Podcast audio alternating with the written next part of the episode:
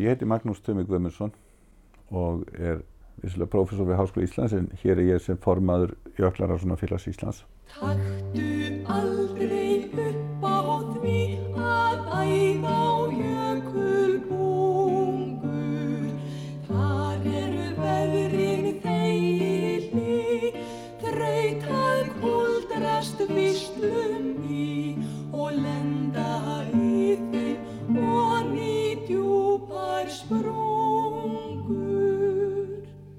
Ég hef nú haft, hafði áhuga á mm, náttúrunni og fjöllum og jöklum og eldfjöllum öll alveg frá því mann eftir mér. Ég man vel eftir heklu góðsinu 1970 og ég man eftir óljósminni hefur sér Sussei gjósa. Ég fætti 61. En sjálfur fór ég mikið, var ég mikið alltaf á fjöllum, alpaklubnum og, og ferðarfélaginu hérna, fyrir tvítut. Svo er það að ég er í ferð, fyrsta ferðin, það var stikað millir landmannlöga og Altavats, laugavegurinn sem er í dag.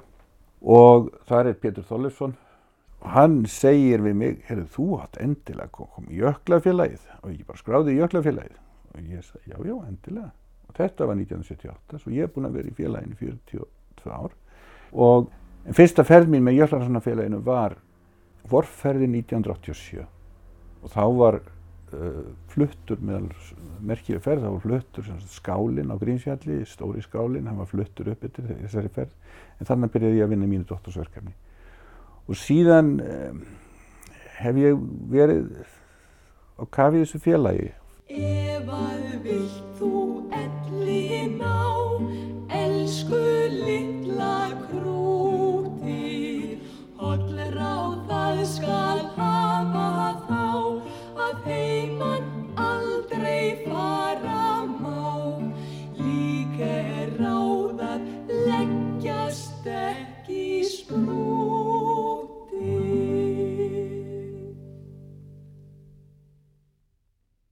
Jöklararssonarfélagi er svona samfélag. Þetta er svona hópur fólki sem kemur allstaðar að fyrir alls konar áhugamál en tengist gegnum það hefur gaman að vera á jöklum og, og, gaman að vinna jöklum og svo eru vístamenn sem að er að rannsaka jökla og, og fólk er mikil ferðamenn, mikil ferðafólk en, en, en svona kjarnin er ferðafólk. Og svona það sem býr til andan eru þessar vatnajökulsferðir, þessar vorferðir sem að eh, eru farnar í júni og uh, þar kynnist fólk og, og, og vinnur saman og, og gengur í gegnum súrt og sætt og þar smitast margir af jöklabakteríunni og það er krónist það virðist enginn sem að fær þá bakteríu hann virðist ná sér af henni hins vegar er hún góðkynja og hefur góð áhrif á, á, á hérna, fólk og, og er held ég lengir líf þess í flestum tilfellum. Og af hverju segi það? Það er vegna þess að ég sé að heiðursfélag Jöklarssonarfélagsins það er upp til hópa langlíft fólk.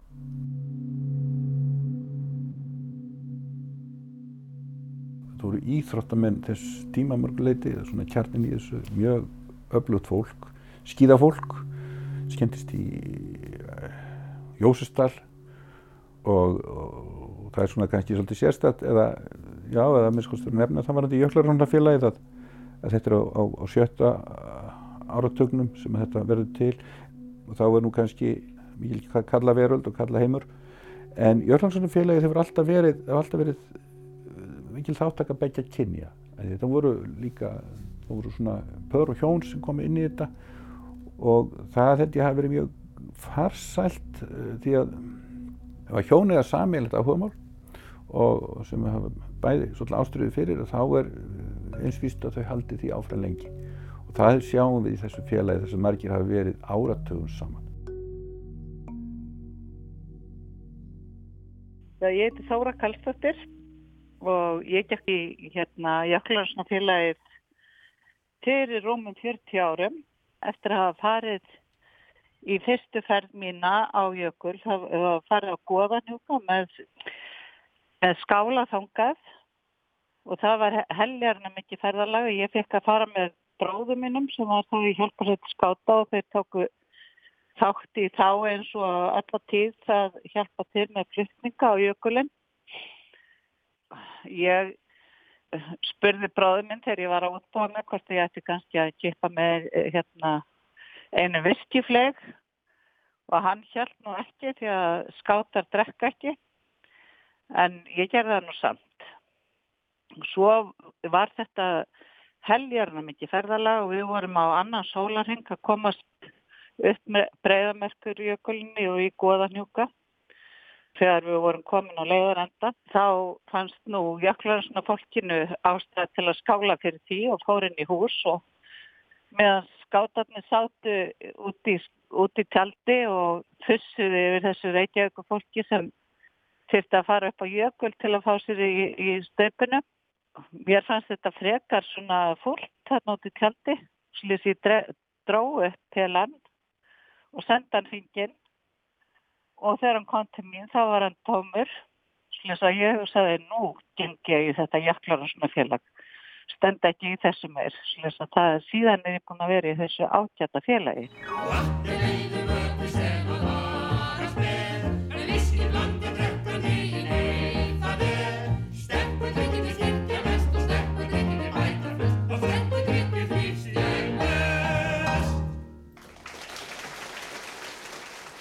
Félagið er náttúrulega ekki bara vorferðir eða vatnajökulsferðir.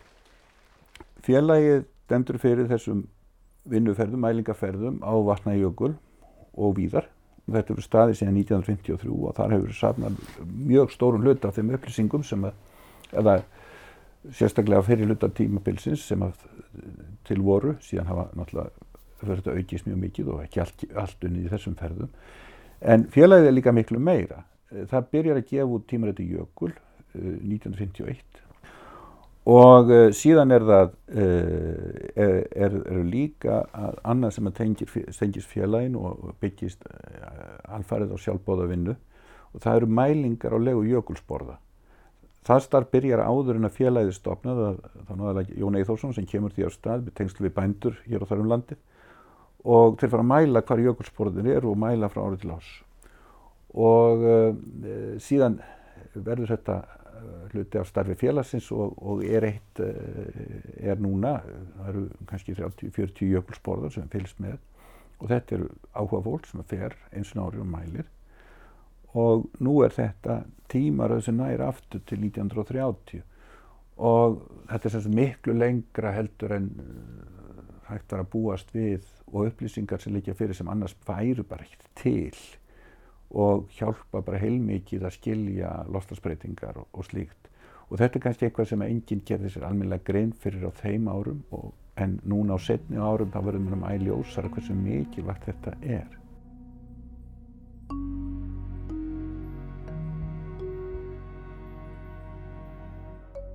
Ég heiti sem Andri Gunnarsson og er meðlumur í Jöklansfélaginu og, og líka verkefnistjóri Jöklarrannsóknar hjá Landsvirkjunu. Mín fyrstu kynni voru svolítið tilvíljani kenn. Það var ringt í mig og ég spurði hvort ég væri til að fara á jökul. Ég haf aldrei farið á jökul áður í, í svona, svona viðhaldsferð fyrir veðstöðar. Þetta var 2008 og eftir þetta þá, þá, þá breytist eitthvað í höfðun á mér og ég hef eiginlega verið alveg forfallin síðan. Ég veit ekki hvernig er best að útskýra það sko. Félagið er náttúrulega sko, svona, félag með ótrúlega mikla breytt, það er ótrúlega fjölbreytt fólk og þannig kemur saman svona í raun og veru bara alls konar fólk, gamleir, nýjir, vísindamenn, hérna, prófessorar í jöklafræðum og, og svo bara venjulegt fólk og löffræðingar og allt hvað eina og svona á jökli þá þá er einhvern veginn allir jafnir og það, það verður til alveg ótrúlegt svona andrumsloft sem að er í raun og veru ótrúlega erfitt að útskýra. Það er ekki tilvílun að þetta jöklar að svona félagi Ísland á Íslandi. Það er ekkert að landi heiminum með eins mikið jöklum. Jöklar þekja 10% á Íslandi. Þeir fara hún reynda mjög rætt mingandi því miður. En jöklar eru bara mjög stór partur af lífi Íslandinga og hafa verið og það er þannig enn þann dag í dag. Til dæmis er meirinn 50% af öllum eldgóðsum sem verður á Íslandi verður jöklum og jökulhlaup eru algengasta eldgósa vá eldvirkni vá á Íslandi vegna jarðhitta og, og eldgósa undir jöklunum þannig að jöklandir eru mjög stór þáttur í íslenskri náttúru og hafa heilmikil áhrif á eitt sem verðum að fylgjast með til að lifa hér að svo er þetta líka partur af, af, af bara okkar þjóðarsál uh, jökullin kemur fyrir í, í litteratúrnum, er í, er í fegur tíminsins hjá Lagsnes og, og allt þetta. Jöklar og Íslandingar verða ekki aðskildir svo öðvöldlega. Ég heiti Valgerður Jóhannsdóttir eh, og er í Jöklaransóknarfélaginu.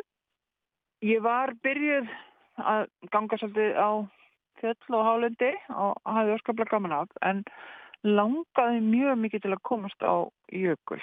Einhvern veginn var eitthvað við þá sem að heitlaði mig uh, mjög mikið. En ég þekkti engan sem að var uh, sem átti sagt, bíl og græjur til þess að komast á jökul. Og ég var eitthvað að barma mér yfir þessu þegar ég var á bar nýri bæ fyrir ykkur um 20 árum síðan og þá skoði einn félagi minn því að mér að það var nú hæg heimatökinn því að hann sagði ekki betur en stjórn jöklaransóknarfélagsins sæti þarna næsta barði og ég sveif þá á formanninn Magnús Þumma Gummisson uh, og spurði hvort að það væri nokkulega að geta komist með í ferð á jökul. Og hann bað mig um að uh, hafa samband við sig eftir helgi mér skildist svo setna þeirra til um saman að það væri nú vegna þess að það kemist undir fyrir að það sviði fólk á hann og á öldurhúsum eh, og vildi komast á jökul en svo þegar að rinni að því þá væri kannski áhugin eitthvað minni nema minn áhug hafði ekkert mingað svo ég bara ringdi og komst í næstu vorferð og hef verið í félaginu síðan Öll vinna fyrir Jöklaransfélagið er rauninni í sjálfbóðvinnu. Það, það gildir um, um tímarætti jökul, það gildir um sporðamælingar, það gildir um vorferðir, e, það gildir um félagsstarfið í heilsinni og svo er eitt aðrið sem að má ekki gleymast að Jöklaransfélag er eina, eini aðilin sem er með hús á jöklum, ekki á ísnum, heldur á, á glettum eða fjöllum í jöklum. Félagið á skála á einum fjórum stöðum á vatnajökli og svo líka á langjökli og svo tveimur stöðum fyrir utan jökul og það er uh, gríðalegt starf sem þar liggur á baki og, og allt sjálfbáða vinna að smíða þessi hús, flytja þau og viðhalda þeim. Það er mjög harsnúan hópur sem er skálanemnd félagsins sem fer ferðir og, og, og heldur við húsunum sérstaklega þetta á Grímsfjalli og Jökulheimum sem er okkar aðstæðir. Þessi hús eru eiginlega grundvöldur fyrir alvöru vísindastarf vegna þess að það er sko, ef þú likur í tjöldum eða þá getur alveg gert hluti en þú ert ekki með flókin tæki og, og, og það er bara ekki hægt að vinna þannig og veðrætt á Íslandi er mjög erfið fyrir ef þú ert ekki með gott skjól vegna þess að þú getur fengið bleitur hríð og, og svo frost og svona og þetta er mjög erfiðar aðstæður og þessi hús okkar skipta alveg höfumáli að vera með öruganstaf kannski með 20-25 manns. Og það er brjálað veður það er ekki tægt að fara út. Þá ertu bara með örughús og það fólk er bara þar og þá er Sovjet sem kallaður það er sofið og getið þannig að Sovjeti lifir góðu lífi á vatnajökli. Það sem einkennir yfirleitt þessar ferðir er einhvers konar bras og ég man mjög eftir, eftirminnilega í einn af mínum fyrstu ferðum á jöklum þá, þá var einn kílómetr eftir, eftir að semst, við vorum að koma heim úr svona haustferð og það er einn kílómetr eftir að við erum komin nýra á veg og getum svona að fara að dóla okkur heim.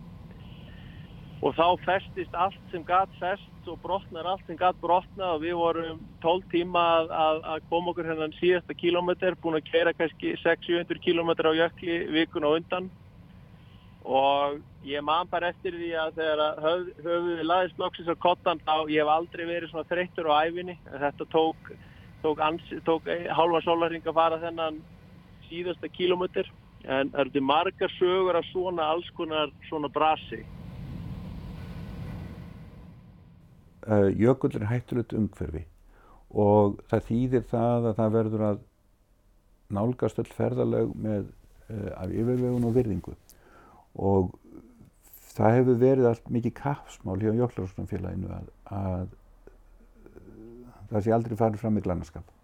Til dæmis í vorferðin þá hefum við mjög ákveðnar örgisreglur og það er til dæmis einn alltaf á vakt á, í, í skálanum. Það er að minnskost einmannski á vakt sem að og aðrir eru með og svo eru talstöðvar og svo tilkyn, tilkynir allir hópar sem þarf að skrifa niður hverjir að fara hvert. Þetta eru kannski 20 manns, það eru fjóri-fimm hópar að fara í mismundi áttir og það er allt skrifað niður. Hvenar fór hópurinn, hvert hann að fara?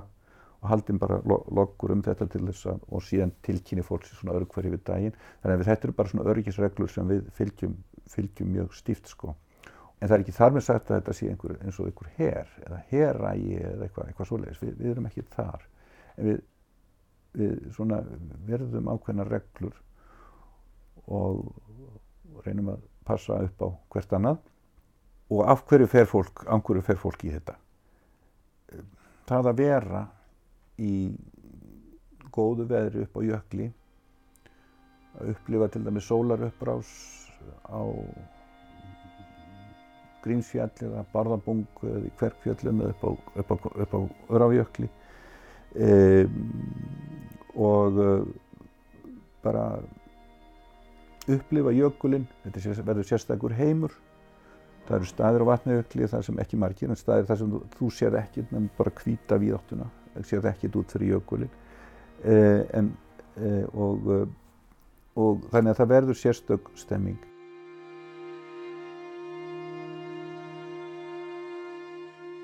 Bras er mikið einkennis orð. Maður er oft verið í brasi og spurt sig svona af hverju, af hverju, af hverju er maður aðeins, sko. En svo kom alltaf svona mómentin eða, eða tilfellin inn á milli þar sem að maður kannski stendur einn á miðjum jökli og hefur útsýn yfir allan heiminn eða það er einhver svona tilfinning eða upplifun sem að, sem að vegur út allt og vesinni á, á svipstundu. Þetta er einhvern veginn bara svo einstakar félagskapur, svo skemmtileg blanda af bæði vísindamannum og leikmannum og einhvern veginn hugafari bara allt reddast, þetta er bara fólk sem að bjarga sér e, og, og hérna, þetta er líka óskaplega skemmtilegt fólk upp til hópa, mikið leið, mikið sungið og svo einhvern veginn finnst mér ég alltaf svo veru, get bara tristið þessu fólki. Það er alls konar aðstæðar, alls konar veður en, en það er alltaf ekkur sem að kannu og veit hvernig það á bregðastuð.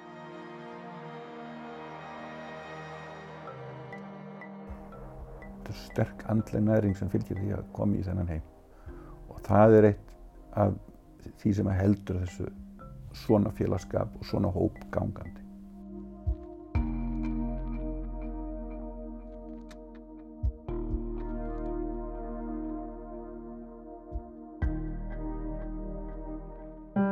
Rás eitt fyrir forvitna.